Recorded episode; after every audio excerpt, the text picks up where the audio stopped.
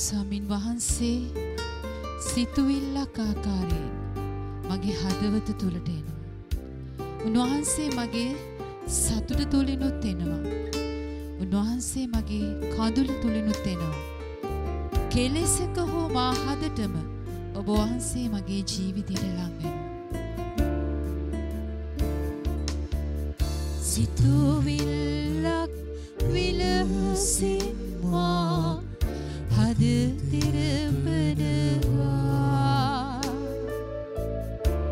දුටු සිනහ ලෙස මාමුව සිනහ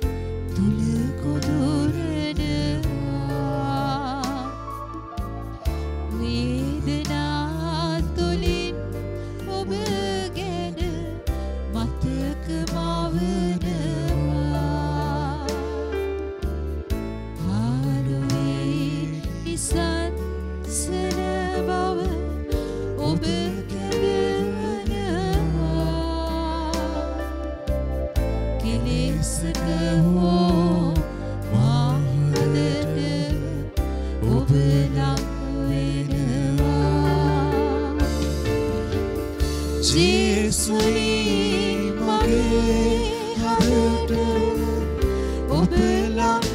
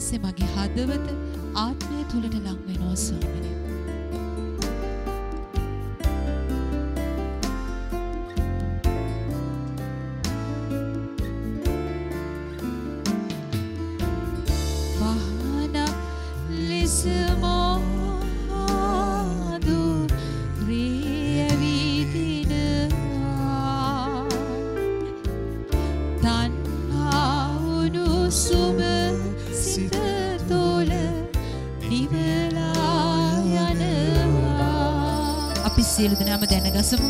සයුරේ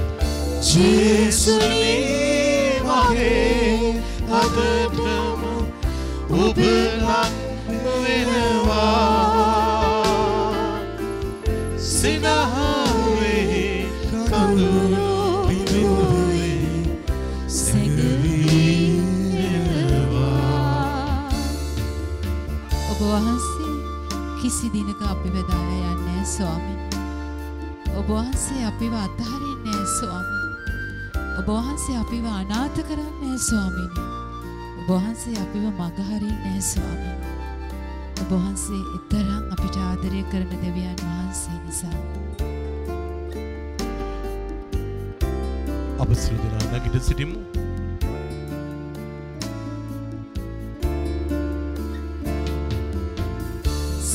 සිතුවිල්ලක් විලසින්වා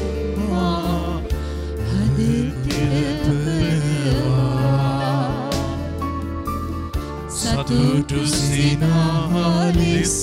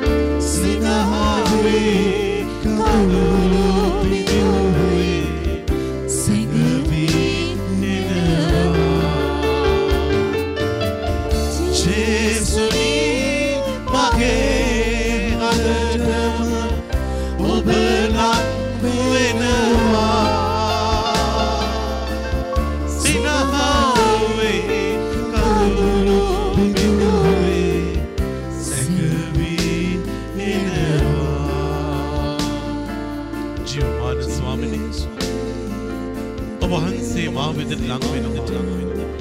ඔබ වහන්සේ මා තුළට ලං වෙනවා. මගේ ජීවිතේ පණගන්වන්න මගේ ජීවිතය ශක්තිමත් කරන්න මගේ ජීවිතයට අරුතක් දෙන්න ඔබ වහන්සේ මා තුළට වැඩම කරනවා. එබැවින් ස්වාමිනී ඔබ වහන්සේ තුළ සතුටු සිතින් ජීවත් වෙන්නට අවශ්‍ය කරන මාවත් ඔබ වහන්සේට පෙහෙලි කර දෙනු මැනව. ඔබ වහන්සේ තුළ ඒ මහා ආශිර්වාදිත ගමනක් යන්න අපිව බලවත් කළ මැනව. අපව ආලේප කළ මැනව. ඒ තුළදී හැමදාකමත් ඔබ වහන්සේ තුළ සතුටු සිතින් ජීවත් වෙන්න වරම් වරප්‍රසාද අපි එකෙක් කෙනාට දානය කළ මැනව. මේකීදී අපගේ ස්වාමින් වන අතිඋතුම් වූ ජේසු ක්‍රිස්තු ස්වාමීන් වහන්සේගේ නාමයෙන්ම අපට ලැබේවා. ආමේන්.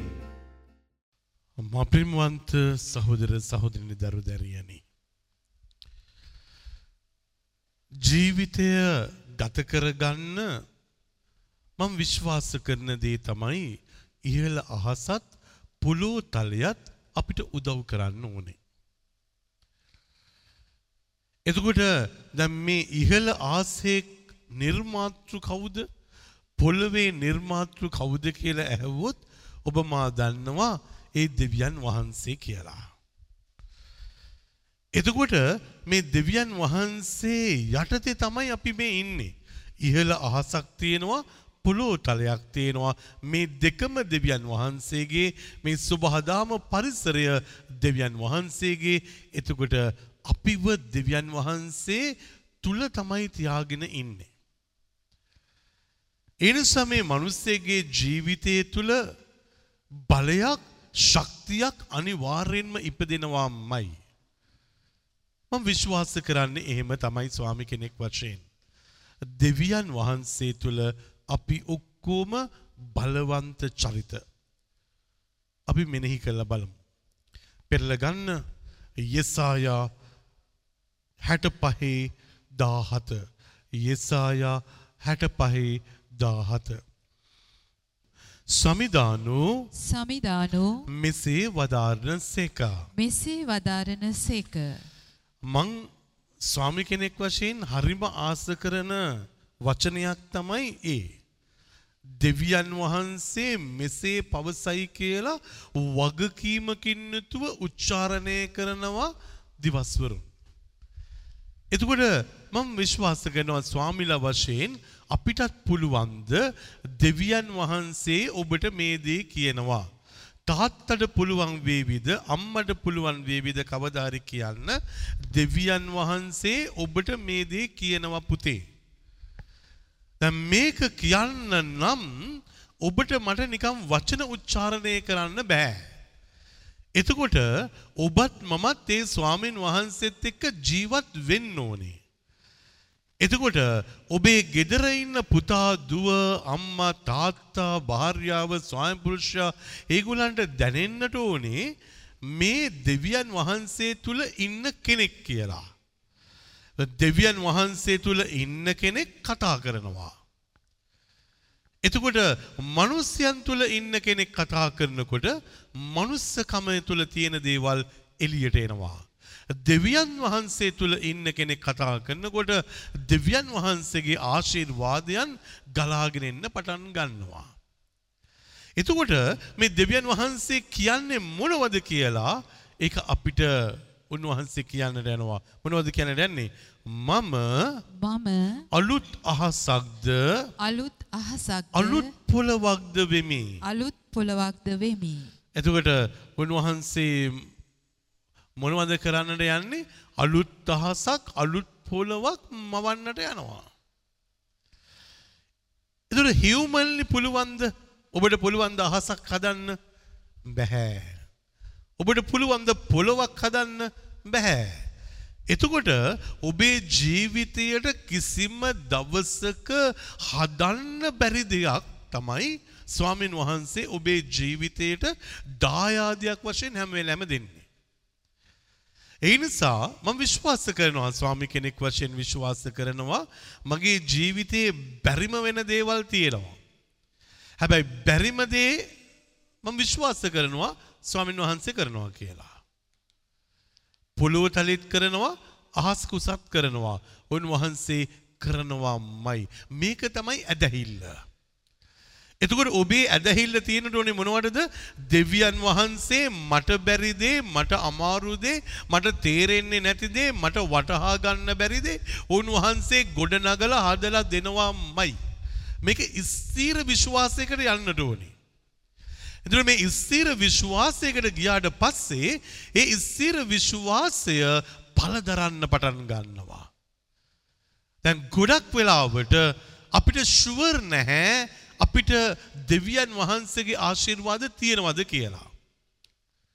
ඔබ කවද හරි විශ්වාස කරොත් අහසෙන් දෙවියන් වහන්සේගේ ආශිර්වාද ඔබට පැමිණෙනවා පොළවෙන් ඔබට ආශිර්වාද පැමිණෙනවයි කියලා ඔබ විශ්වාස කරොත් ඔබ බය නැතුව ඕනෑම තැනකට යනවා.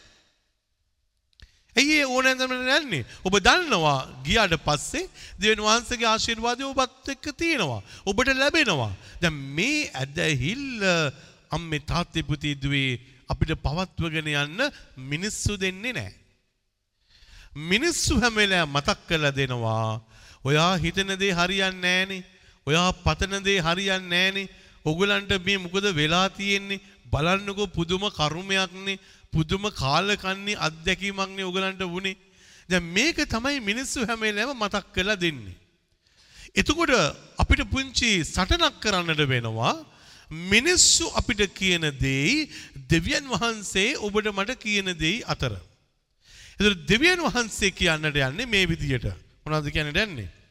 පසුගිය දේ පසුගිය දේ මතක් කරන්නේවත් මතක් කරන්නේවත් සිහි කරනු ලබන්නේවත් සිහි කරනු ලබන්නේවත් නැත. නැත. ප්‍රශංසා වේවා ප්‍රශංසා වේවා. ප්‍රශංසා වේවා ප්‍රශංසා වේවා. ප්‍රශංසා වේවා ඔබ ආස නැද්ද එහෙම කෙනෙක් ඔබේ ජීවිතයට ලැබෙනවට. රිනාත්මක දේවල් අඩුපාඩුකං මදිපුංචිකං එකක්කට මතක් කරන්න නැති කෙනෙක් ඔබේ ජීවිතයට හම්බුනොත් ඔබ මොනවා හිතයිද ඔබ වාසනාවන්තයි කියලා හිතෙන්නේ නැද්ද? අඩුපාඩුකම් මතක් කරන්නේ නැතුව හොඳ දේ විතරක් මතක් කරනවා. යහපත් දේ විතරක් මතක් කරනවා. වටිනා දේ විතරක් මතක් කරනවා. ලස්සන දේ විතරක් මතක් කරනවා. වැදගත් දෙයක් විතරක් මතක් කරනවා.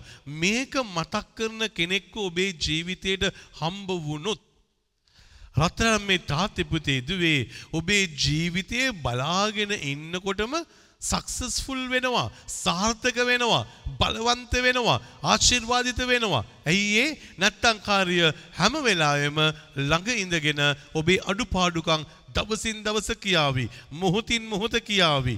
එතකොට කියන්න කියන්න මොකද වෙන්නේ? ඔබ ගාව තියෙන අර මොරල් එක බහිනවා. උජාරුව බහිනවා. නේ ශක්තිය බහිනවා. ඒ තියෙන ස්වභාවය බහිනවා. ඒ නිසානේ සාමාන්‍යයෙන් කියන්නේ නේ වැඩකට යනකොට අත ගන්නට යනකොට ඒකට ඍණාත්මකව දෙයක් කියන්න එපා. සුබපතලා යවන්න. හැම වෙලාවෙම කියන්නේ සුබපතලා යවන්න.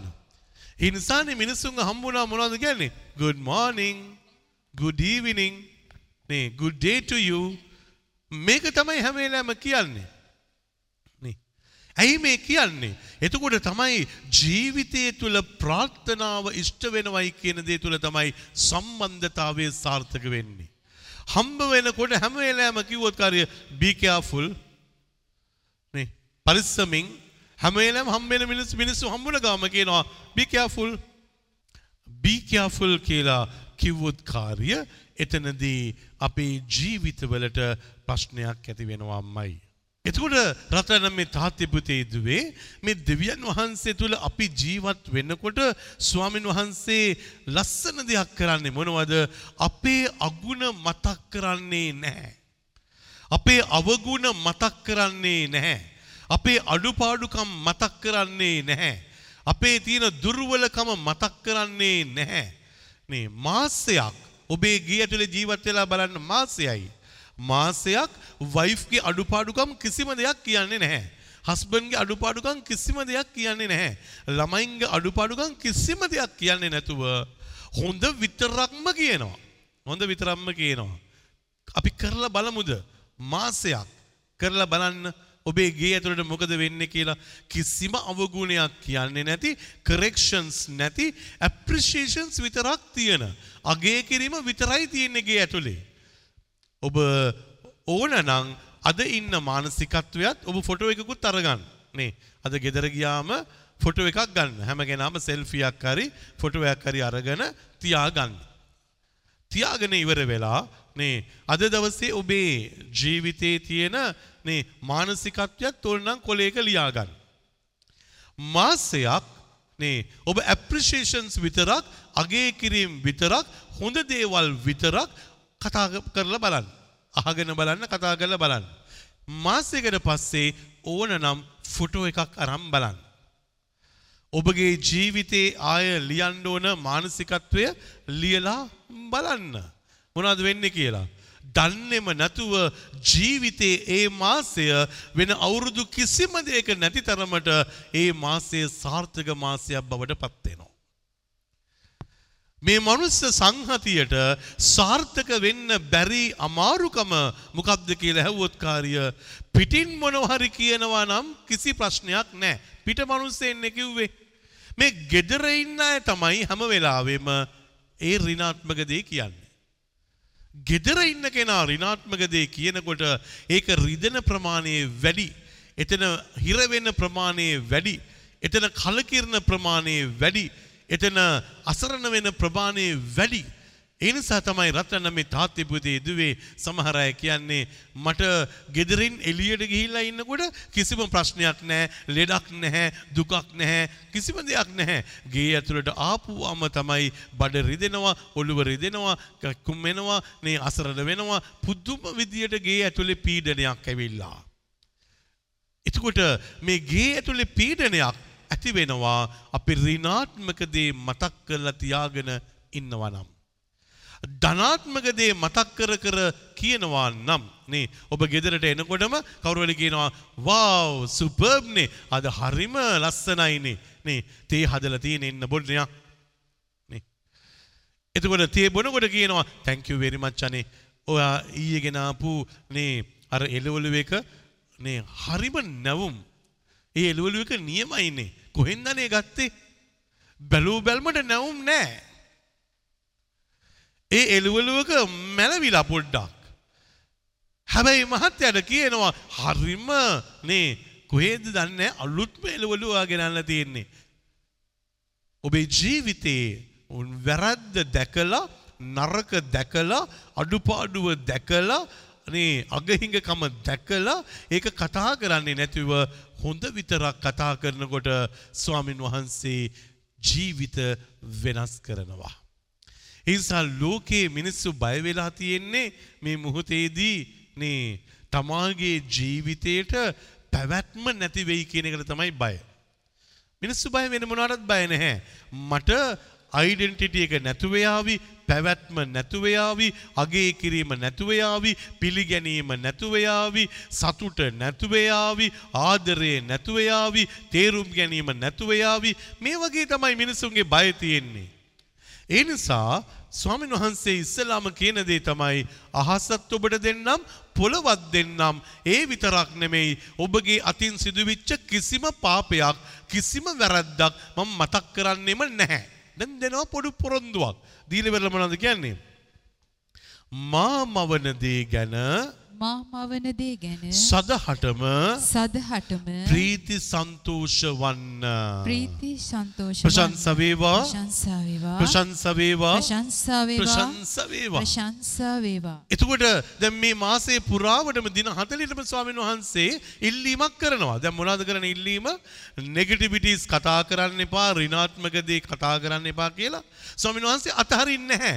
ස්වාමීන් වහන්සේ කියනවා ඔබ දෙවියන් වහන්සේ විසින් මවල දුන්න හැම දෙයක්ම මැති කර මතක් කර කර මතක් කර කර ප්‍රීතියෙන් පිනා යන්න, සන්තෝෂයට පත්වෙන්න. එතකොට රටනම් මේ තාත්තිපුදේ ඔබ කියාවි අපේ ගෙදර තියෙන දේවල්ත් එක්ක ප්‍රශ්නත් එක්ක කොහොමද ෆාද සන්තෝෂයටපත් වෙන්නේ?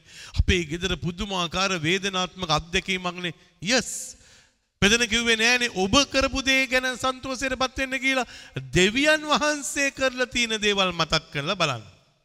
එතකොට දෙවියන් වහන්සේ නරක දේවල් කරලා තියෙනවද? නැහැ. දෙවියන් වහන්සේ අඩුපාඩුකම් වලින් පුරවලා තියෙනවද? නැහැ. දෙවියන් වහන්සේගේ ලෝකය බලන්න, දෙවියන් වහන්සේගේ දේවල් බලලා උන්වහන්සේ මවපු දේ, උන්වහන්සේ කරපු දේ මතක් කර කර මතක් කර කර ස්තුතිම කරන්න. එතකොට මොනවද ස්වාමීන් වහන්සේ කියන්නට යන්නේ? මා මවන අලුත් ජෙරුසලම මා මවන අරුත් ජෙරුසලම ප්‍රීතියෙන් පූර්ණ වන්නේය. ප්‍රීතියෙන් පූර්ණ වන්නේ එතකොට ඔබේ ගේ ඇතුලේ ඒ මවන අලුත් ජෙරුසලමක් හම්බ වෙන්නට යනවා. උන්වහන්සේ මවන්නට යන ඔබේ ගේ ඇතුලේ. උන්වහන්සේ අලුතෙන් තනන්නට යන ඔබගේ ගේ ඇතුළ. ඔබගේ පරිසරය හදන්නට යනවා. රත්නම් මේ තාත්තේ පුතේ දුවේ. ඒක අපිට සල්ලි වලට ගන්න බැරි එකක්. අපිට ගෞරවයෙන් ගන්න බැරි එකක් තමයි දෙවියන් වහන්සේ මවල දෙන ගේ. දැන් අපි ගොඩක් වෙලාවට හදන්නේ කවුද? මම හදන ගේ. අපි හදන ගේ. මෙහෙම තමයි අපි හිතාගෙන ඉන්නේ. මම ගත්ත පුටුව, අපි ගත්ත පුටුව, අපි ගත්ත ෆ්‍රිජ් එක, අපි ගත්ත AC එක, අපි ගත්ත මේසය, අපි ගත්ත කුස්සියේ බඩු මම ගත්තේවා. අරගෙන කියනවා මේවත් එක්ක මං සන්තෝෂයෙන් ඉන්න හදනවයි කියලා. හැබැයි මම විශ්වාස කරොත් දෙවියන් වහන්සේ හදන ගයක් මට තියෙනවා.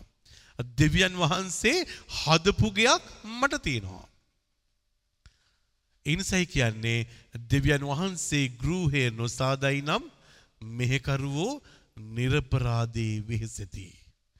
එතකොට දැන් ඔබ විශ්වාස කරන්නට ඕනේ ඔබේ වාහනය දෙවියන් වහන්සේ දුන්න දේ. ඔබේ බයිසිකලය දෙවන් වහන්සේ දුන්න දේ. ඔබේ ගේ දෙවියන් වහන්සේ දුන්නා. ඔබේ ඇඳ දෙවියන් වහන්සේ දුන්නා. ඔබේ කුස්සියේ තියෙන හැම භාණ්ඩයක්ම දෙවියන් වහන්සේ දුන්නා. ඒ ඇදහිල්ලට ඔබට එන්න පුළුවන් නම් මොකද වෙන්නේ? කුස්සිය ඇතුළට ගියේ ගාම ඔබට ශාන්තියක් ඇති වෙනවා. ඔබ ඇඳට ගියේ ගාම ශාන්තියක් ඇති වෙනවා. ඔබ පුටුවේ ඉඳගත්ත ගාම ශාන්තියක් ඇති වෙනවා. ඔබ මිදුලට ගියාම ශාන්තියක් ඇති වෙනවා. ඔබ ඔබගේ ය වාහනේ නැග ගාම ශාන්තියක් ඇති වෙනවා. ඇයි ඒ? ඔබ දන්නේ එකම දෙයයි මේක දෙවියන් වහන්සේ මට දුන්න දේ. අද අපි අනිත් පැත්තටයි කියන්නේ අනේ ෆාදර් ඇඳට ගියාම නින්ද යන්නේ නෑ ෆාදර්. කුස්සියට ගියාම විකාර වගේ ෆාදර්. නේ ඉඳගත්තම නම් කාර්යය මට හරිම තේට්ටුයි ෆාදර්. හරිම කලකිරලයි දැන් ඉන්නේ. එපා වෙලයි ඉන්නේ.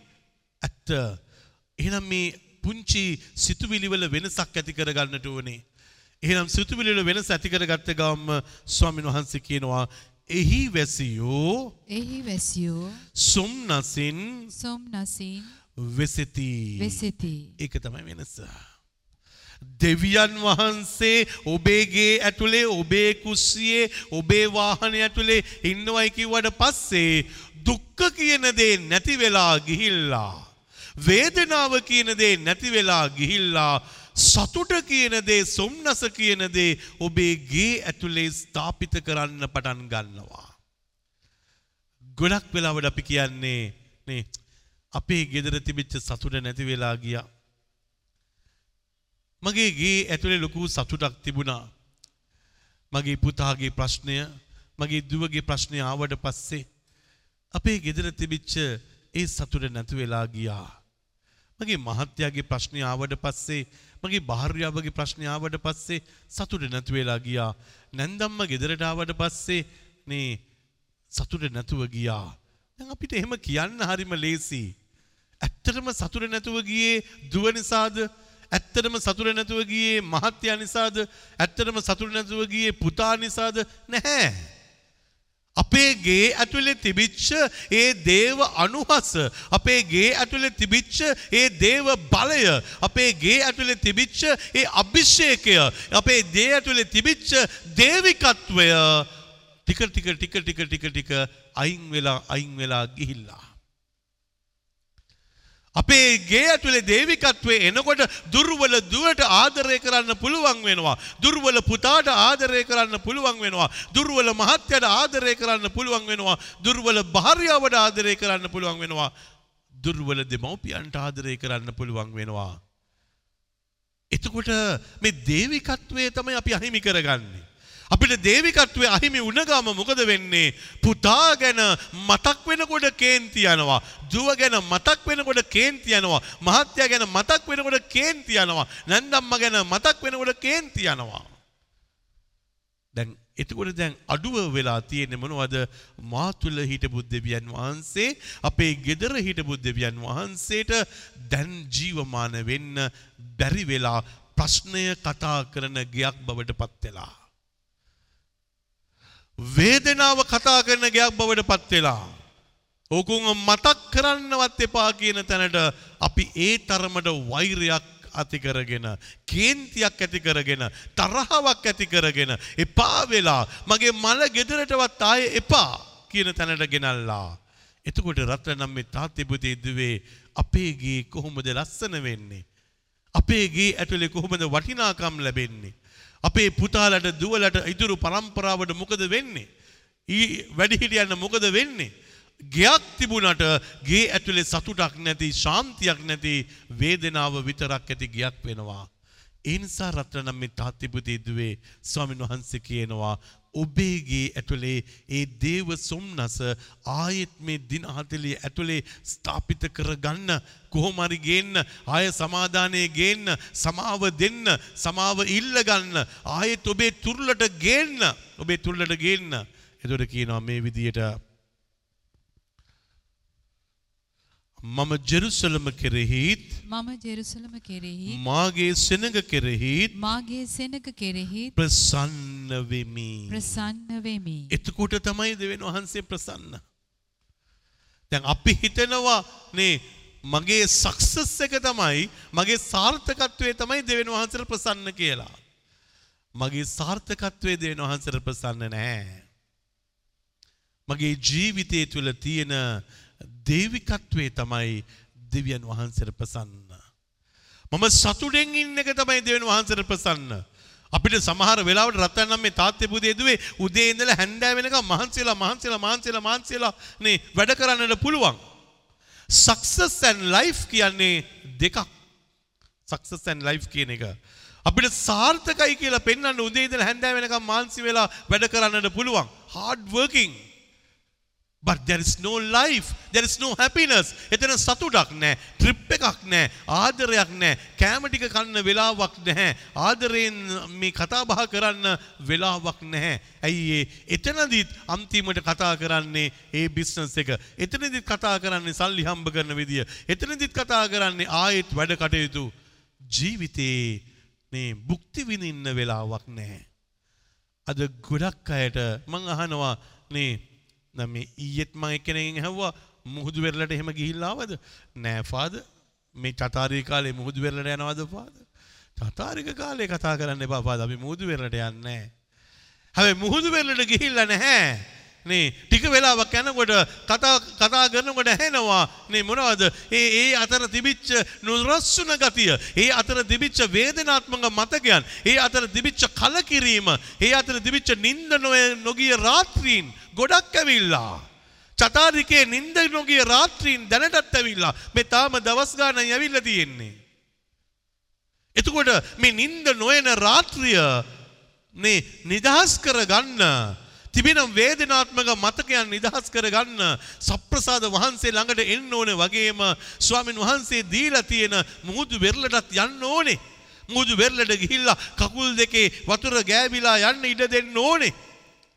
අත් දෙක වතුරෙන් හෝද ගන්නට ඕනේ. ඒ වතුර ටිකක් අරගෙන මූණ පිහා ගන්නට ඕනේ. මූණ හොදන්නට ඕනේ. එතකොට රටන මේ තාත්තේ පුතේ ඉදුවේ දැන් අපි කියාවි නේ එහෙනම් සතුටෙන් ඉන්න බෑ ෆාද මේ කාලේ සතුටෙන් ඉන්න දවසක් නෙමෙයි. නේ? ඊයේ අම්මා ආපු වෙලාවේ අම්මගෙන් ඇහුවා අම්මේ කෝ බෙල්ලේ තිබිච්ච චේන් එක? නෑ පුතේ චතාරිකේනේ පුතේ. මං ඇහුවා ඇයි චතාරිකේ චේන් දාන්නේ? නේ?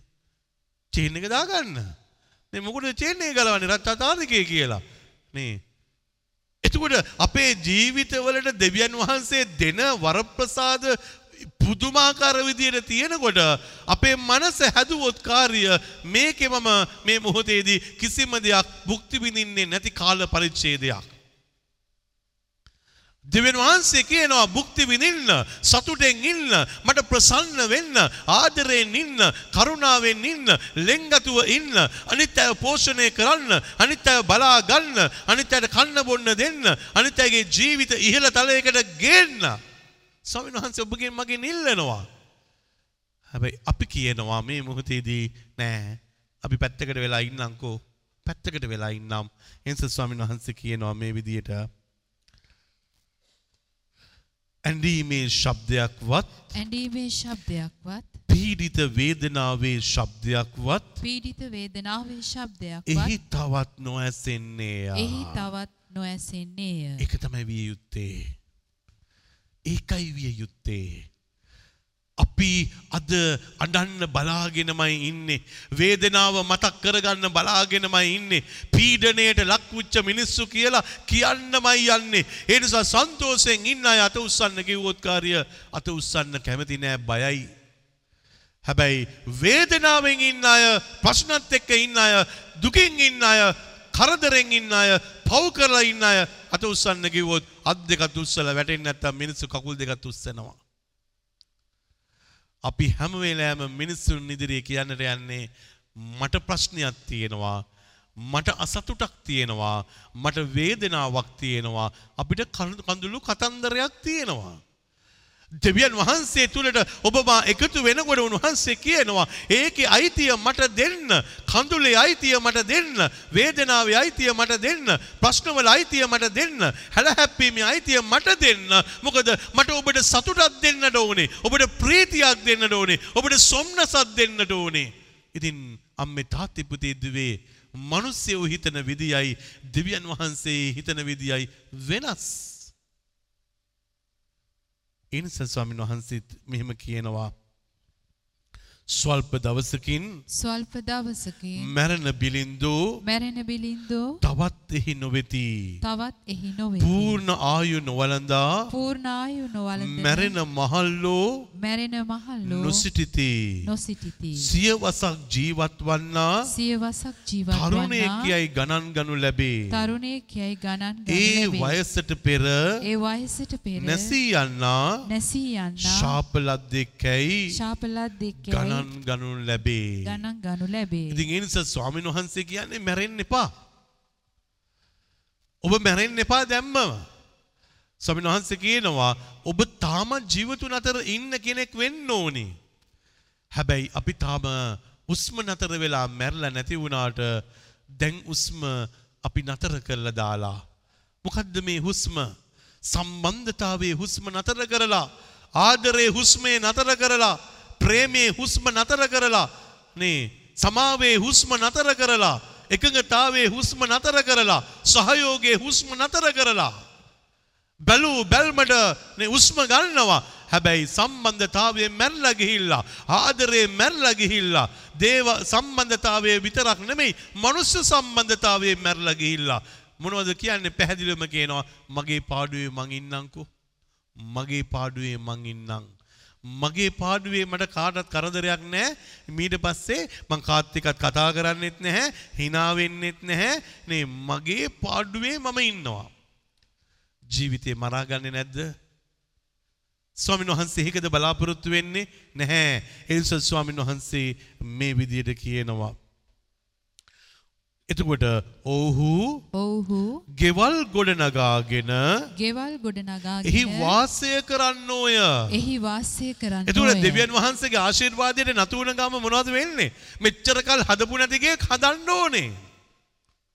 මම දන්නේ මම අද උදේ පූජාව තියලා ඊට පස්සේ මුන්දලමට ගිහිල්ලා එතන ගොඩ නගන දේවල් ටික බලලා නේ ඒකේ ෆාදර්ස් රෙකුපරේෂන් හෝම් එකේ හදන ඒ ස්ට්‍රක්චර්ස් ටික බලලා ඒ බාස්ලත් එක්ක ඉඳලා නේ වැඩ කරලා ෆොටෝස් ටික අරගෙන නේ මම ඇවිල්ලා සන්තෝෂයෙන් ආවා.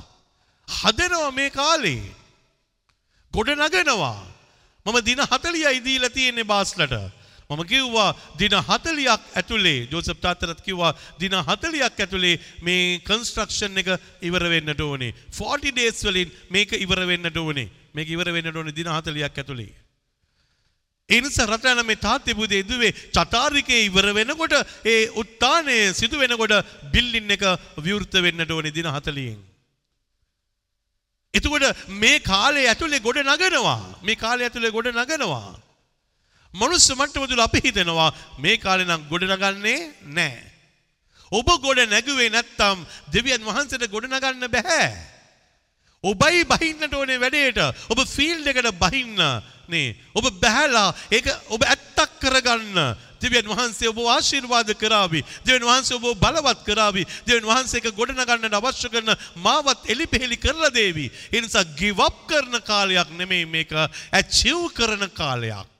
මුදට මතක තියාගන්න ගිවප් කරන කාලයක් නෙමෙයි ඇචිව් කරන්නයි පුරුදු වෙන්න ඕනේ. දෙවියන් වහන්සේගේ ආශිර්වාද ඇචිව් කරනවා, ඔබගේ වරප්‍රසාද ඇචිව් කරනවා, ආදරය ඇචිව් කරනවා, බලය ඇචිව් කරනවා. ඔක්කොම මේ ස්වාමින් වහන්සේ තුල අයිති කරගන්නට යනවා. ස්වාමින් වහන්සේ තුල ඒ නිසා ස්වාමින් වහන්සේ මෙහෙම කියනවා. මෙදිවතු වවාගෙන මිදිවතු වවාගෙන එහි පළදාව කන්නෝය. එහි පළදාව කන්නෝය. එතුළ ස්වාමීන් වහන්සේ කියනවද? දැන් ඉතින් ඔබේ කුඹුර අතහැරලා දාන්න ඔබේ බිස්නස් එක අතහැරලා දාන්න ටික කාලයකට පැත්තකට වෙලා ඉන්න කියලා ස්වාමීන් වහන්සේ කියනවා නැහැ ස්වාමීන් වහන්සේ කියනවා ඔබට මට ඔබේ කුඹුර වගා කරන්න ඔබට ආදායම් මාර්ගයන් එන්න තියෙන තැන අතහරින්න එපා. ඒක give up කරන්න එපා. නේ ඔබ හොයලා බලන්න ඔබගේ ඒ වගාව කොහොමද කරන්නේ කියලා. ඒ විතරක් නෙමෙයි ස්වාමීන් වහන්සේ කියනවා ඔබේ මිදි පළදාව ඔබ භුක්ති විඳින්න. ඔබ කන්න. නමුත් මනුස්ස මට්ටම තුළ රත්නම් මේ තාත්තේ පුතේ දුවේ අපි හිතනවා මේ කාලේදී නේ මං එක්කෙනෙක්ගෙන් ඇහුවා මේ ඒගොල්ලන්ට වතු කීපයක් තියෙනවා මේ වත්තට ගියාද? නෑ ෆාදර් මේ දින 40 නේ ෆාදර් ඒ නිසා දින 40 වත්තට යන්නේ නැහැ ෆාදර්. නේ දින 40 වත්තට යන්නේ නැහැ. නේ. ඉතින් වත්තට ගිහිල්ලා ඇවිල්ලා යාඥාත් කරන්නකෝ. පූජාවට ගිහිල්ලා වත්තට ගිහිල්ලා ඇවිල්ලා ආයේ මෙහෙටත් එන්නකෝ. ඇයි බැරි? මේ දින 40 ඇතුලේ මේ මොහොතේදී ඔබට පැවරිච්ච දේවල් ලස්සනට කරන්න බෑ. හොඳටම කරන්න බෑ. සෞභාග්‍යයෙන් කරන්න බෑ. වාසනාවන්ත විදියට කරන්න බෑ. නේ එතකොට උත්තානේ දවසේදී ඔබට කියන්න පුළුවන් වෙනවා නේ මේ ප්‍රශ්නේ මම නැගිට්ටා මේ කරදරේ මම නැගිට්ටා මේ බාධකයෙන් මම නැගිට්ටා මේ හැලහැප්පි මම නැගිට්ටා මේ ආර්ථිකයෙන් මම නැගිට්ටයි කියන්න ඔබට බය නැතුව කියන්න පුළුවන් වෙන්න බෑ. ඉන්සත් ස්වාමීන් වහන්සේ කියනවා ඔවුන් ගෙවල් ගොඩනගාගත් විට ඔවුන් ගෙවල් ගොඩනගාගත් විට අන් අය අන් අය ඒවායේ ඒවායේ වාසය කරන්නේවත් වාසය කරන්නේවත් මිදිවතු වවාගත් විට මිදිවතු අන් වවාගත් අය විට අන් අය ඒවායේ පලදාව භුක්ති විඳින්නේවත් ඒවායේ පලදාව භුක්ති විඳින්නේවත් නැත නැත. ප්‍රබල දෙයක් කිව්වා මේ මොනද ප්‍රබල දේ සමහර වෙලාවට ඔබ මහන්සි වෙලා හදලා හදලා හදලා හදලා ගොඩක් අය ඉන්නවා ගේ හදනවා. ගේ හදලා ඉවරනට මොනවද කියන්නේ? ඊට පස්සේ කියනවා ෆාදර් ගේ හැදුවට ඒක විකුණන්නයි යන්නේ. ගේ බාගෙට හදාගෙන යනකොටම කියනවා විකුණන්න යනවා කියලා. මේකේ හරියන්නේ නැහැ ෆාදර් මේ තැන හරියන්නේ නැහැ ෆාදර් මේ භූමිය හරියන්නේ නැහැ ෆාදර් මේ වාහනේ හරියන්නේ නැහැ ෆාදර් රත්තරම් පුතේ දුවේ ස්වාමීන් වහන්සේ පැහැදිලිවම කියනවා ඔබ හදාගත්ත ගේ ඔබ නිකම්ම අත්හරින්නේ නැහැ ඒවා නේ. ඒක ඔබට භුක්ති විඳින්න ස්වාමීන් වහන්සේ දෙනවා. ඔබේ පළදාව ඔබට භුක්ති විඳින්න දෙනවා. නමුත් අපි හිතෙනවා මේ මොහොතේදී ස්වාමින් වහන්සේ එක්ක අපි ජර්නි එකක් යනකොට අපිට පළදාවක් භුක්ති විඳින්න බෑ අපිට සතුටෙන් ඉන්න බෑ අපේ ගෙදර මේ මොහොතේදී අපිට ඉන්න බෑ මේ ඔක්කොම නරකයි කියලා අපි හිතෙනවා. හැබැයි ස්වාමින් වහන්සේ එකක්වත් නරක කරලා නැහැ. ස්වාමින් වහන්සේ ඔබට සතුටෙන් ඉන්න අවශ්‍ය කරන හැම දෙයක්ම දෙන්න ලෑස්ති. හැබැයි ඔබ ලෑස්තිද දෙවියන් වහන්සේ දෙන්නට යන සතුට භුක්ති විඳින්න. ඔබ ලෑස්තිද? අහලා බලන්න ඔබගෙන්. Are you ready to celebrate your life? ඔබේ ජීවිතය සතුටෙන් භුක්ති විඳලා අනිත් අයටත් ඒ සතුට දීලා අනිත් අයටත් ඒ ආශිර්වාදයේ දීලා අනිත් අයටත් ඒ අභිෂේකයේ දීලා අනිත් අයගේ ආත්ම ගලවගෙන අනිත් අයව සන්තෝෂයෙන් තියලා ඔබේ ජීවිතයේ ඇතුලේ මේ දින 40 ඉවර වෙනකොට ඔබට කියන්න පුළුවන්ද? මම මේ තරම් දේවල් ගොඩක් මගේ ජීවිතේ කරා මේ දින 40 ගෙවල් නැති අයට ගෙවල් හැදුවා ප්‍රශ්න තිබෙන අයට ඒ ප්‍රශ්නේ විසඳලා දුන්නා කන්න නැති අයට කන්න දුන්නා. නේ ඊට පස්සේ ඔබ හදපු දේවල් ඔබ ගොඩනගපු දේවල් ඔබ ලස්සන කරපු දේවල් ඒව මතක් වෙන්නට ඕනේ මේ දින 40 ඉවර වෙනකොට. එතකොට ඔබ කියාවි නේ මේ 2022 චතාරිකය මගේ ජීවිතය ඉහළට ආපු අසරණව හිටපු මට අරුතක් හම්බ වෙච්ච චතාරිකයක් බවට පත් වුණා දින 40ක් ඥානකාන්තිය කියන්නේ go back to your past. ඔබේ අතීතයට ගිහිල්ලා අතීතයේ ජීවත් වෙන එක නෙමෙයි. අතීතයට ගිහිල්ලා රිට්‍රීට් එකක් කරලා ස්ටෙප් බැක් කරලා ඒක අඩියක් පිටිපස්සට තියලා බලන්න. එතන තියෙන අඩුපාඩුකම් මොනවද? එතන තියෙන දුර්වලකම් මොනවද? එතන තියෙන නේ මේ අත්හැරිච්ච තැන් මොනවද? ඒක බලලා ඊට පස්සේ කියනවද රිට්‍රීට් එක ඉවර වෙලා ඇවිල්ලා නිකන් ඉන්න කියලා? නැහැ. ඔබ බැලුවට පස්සේ එතන ඩැමේජස් තිබුණා නම් ඒක හදාගෙන රෙක්ටිෆයි කරගෙන අලුතෙන්ම පිපිදිලා එළියට එන්නට ඕනේ. නැගිටින්න එළියට එන්නට ඕනේ. එනිසා දින 40 ඉවර වෙනකොට මෙතන ඉන්න රත්තරන් දුවලා පුතාලා අම්මලා තාත්තලා වෙබ්සයිට් එකෙන් සම්බන්ධ වෙන ඔබ මේ මොහොතේදී සිත් FM නාලිකාවත් එක්ක සම්බන්ධ වෙන ඔබ ජීවිතේ මේ සාක්ෂි දරන්නට ඕනේ. ගොඩක් වෙලාවට රත්තරන් මේ තාත්තේ බුදේ දුවේ පසු පෙර විප මේ විපරම් කිරීමක් අපි සුපුවත්තරණය කරන්නේ නැහැ. හැබැයි සෙත් FM නාලිකාවේ නේ ඒගොල්ලෝ මට කතා කරනවා. ඒගොල්ලෝ මට කතා කරනවා මේ චතාරිකේ ඉවර වෙනකොට චතාරිකේ ඉවර වෙනකොට රේඩියෝ ප්‍රෝග්‍රෑම් එක නේ බලපු අය අහපු අය ඒගොල්ලෝ මොකද කරන්නේ ඒගොල්ලන්ට ලැබිච්ච වරප්‍රසාද මේ කාලේ ලැබිච්ච දීමනාවන් ඒගොල්ලන්ගේ සුවවිච්ච අය මේ ඔක්කොමලා දෙනා කතා කරනවා නේ ඇන්ටන් ජය මහා මාත්මයත් එක්ක මං එකතු වෙලා ඒ ප්‍රෝග්‍රෑම් එක අවුරුද්දක් පාස කරනවා. සෙත් FM නාලිකාවේ මොනතරම් මිනිස්සු කන්දරාවක් කතා කරනවද? ඒක ඇතුලේ ජීවිත පෙරලිලා, ජීවිත වෙනස් වෙලා, කුඩු ගහන අය නතර කරලා, අරක්කු බීපු අය නතර කරලා, අලුතෙන් ජීවිතේ පටන් අරගෙන, ගෙවල් දොරවල් හදාගෙන, ඔපරේෂන්ස් කරගෙන සාර්ථක වෙලා ජීවිතේ තින හතලිය ඇතුළේ මිනිස්සුන් සාක්ෂි දරාවී කොච්චර ජීවිත පිපිදීමක් ඇති වුණාද කියලා. ඉනිසා රත්තරනම් මේ තාත්තිපතේදුවේ. මේ කාලය අපතේ යවන්න එපා. මේ කාලය අපතේ යවන්න එපා. මේ කාලය ඔබ අල්ල ගන්නට ඕනේ ඔබ අල්ලගෙන ඔබගේ ජීවිතය සාර්ථය කර ගන්නට ඕනේ. එනිසා උන්වහන්සේ කියනවා මන්ද මන්ද ඔහු සමිඳුන්ගෙන් ඔවුන් සමිඳුන්ගෙන් ආශිර්වාද ලත් වංශය වෙති. ආශිර්වාදලත් වංශය වෙති. ඔවුන්ගේ දරුවෝද ඔවුන්ගේ දරුවෝද එසේම වෙති. එසේම වෙති. ඔවුන් අයදින්න පෙර ඔවුන් අයදින්න මම උත්තර දෙමි. මම උත්තර ඔවුන් දෙමි. කතා කරද්දීම ඔවුන් කතා කරද්දීම මම සවන් දෙන්නෙමි. මම සවන් දෙමි. ප්‍රශංස වේවා. ප්‍රශංසා වේවා. ප්‍රශංසා වේවා. ප්‍රශංස වේවා. ඒකයි මේ. වෙනස. මේකයි මේ වෙනස. ඔබ දෙවියන් වහන්සේගේ වචනය තුල ගිහිල්ලා දෙවියන් වහන්සේගේ ආදරයේ අභිමුඛ උන්වහන්සේගේ අභියස ඔබ ජීවත් වෙලා බලන්න. ජීවත් වෙලා බලන්න. එතකොට ස්වාමීන් වහන්සේ කියනවා ඔබ ආශිර්වාද ලත් ජනතාවක් කියලා මිනිස්සු කියාවි. ශාපලත් ජනතාවක් කියලා නෙමෙයි. නේ. ඒ නිසා සාපලත් ජනතාවක් කියලා කියන්න ජීවත් වෙන්න එපා. ඔබ ආශිර්වාදලත් කෙනෙක් විදියට දෙවියන් වහන්සේගේ වරප්‍රසාද පිරිච්ච කෙනෙක් විදියට කතා කරන්න උත්සුකක වෙන්න.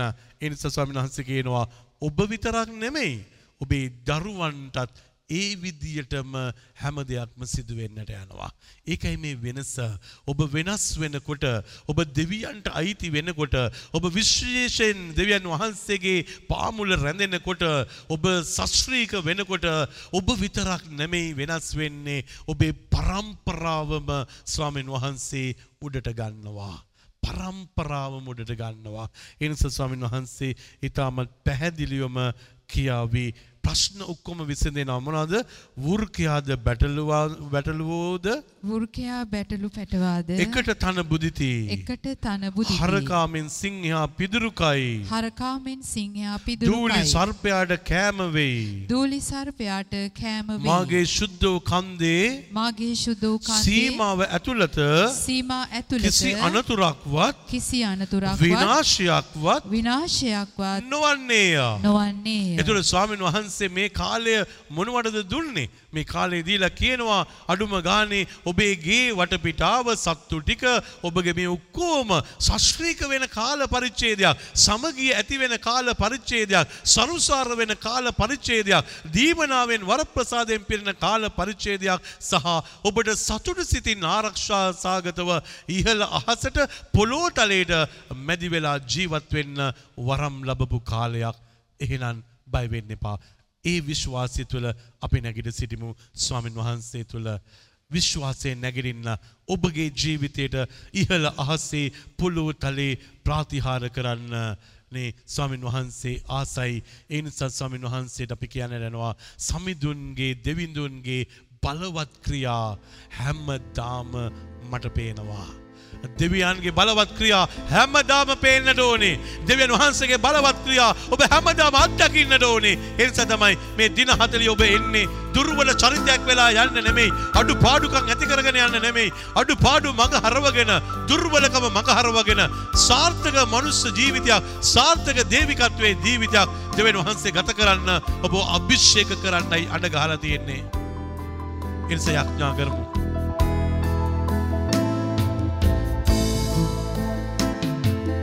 දෙවිඳුන්ගේ බලවත් ක්‍රියා. හැමදාම මා දකිනවා දෙවිඳුන්ගේ පුදුම ක්‍රියා. හැමදාම මට පේනවා. සුරදනම කියමු දෙවිඳුන්ගේ බලවත් ක්‍රියා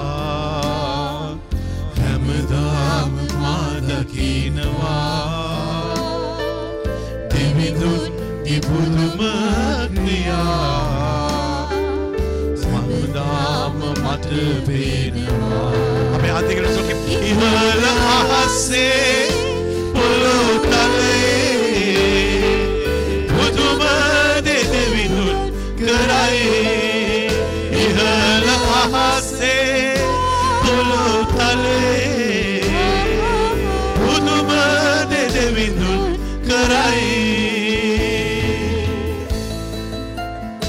උන්වහන්සේ ඔබේ ජීවිතයට පුදුමදේ කරන්නටයි. උන්වහන්සේ නම කියලා කතා කරන්නේ. මේ දින හතලිය ඇතුළේ ඒ ප්‍රාතිහාරාත්මක ජීවිත අත්දැකීමට යන්න ඕනේ එනිසා ස්වාමීන් වහන්සේ ඔබගේ ඒ ජීවිත ඇතුළේ තිබිච්ච ඒ කර්කශක භාවය අයින් කරන්නට යනවා. එනිසා ස්වාමීන් වහන්සේට ඉඩ දෙන්න.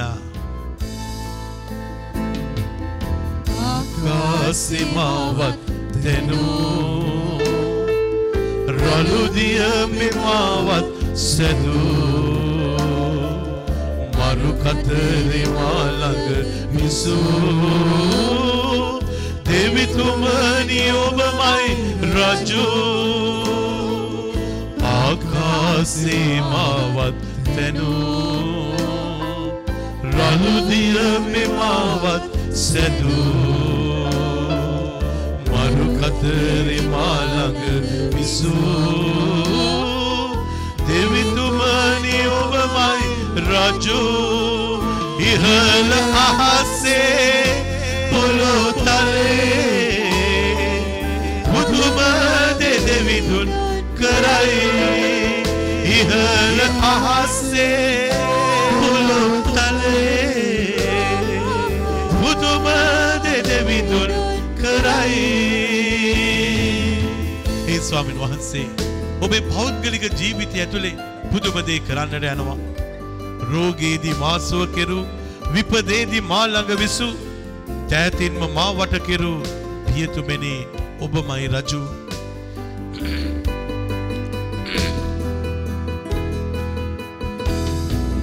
රෝගයේදී මාසුව කෙරු විපදේදී මා ළඟ විසු පැතින්ම මාවට කෙරු පියතුමැනි ඔබමයි රජු. රෝගයේදී මාසු කෙරු විපතේදී මාළඟ විසූ. දැතින්ම මාවට කෙරු පියතුමනි ඔබමයි රජු. ඉහළ අහස්සේ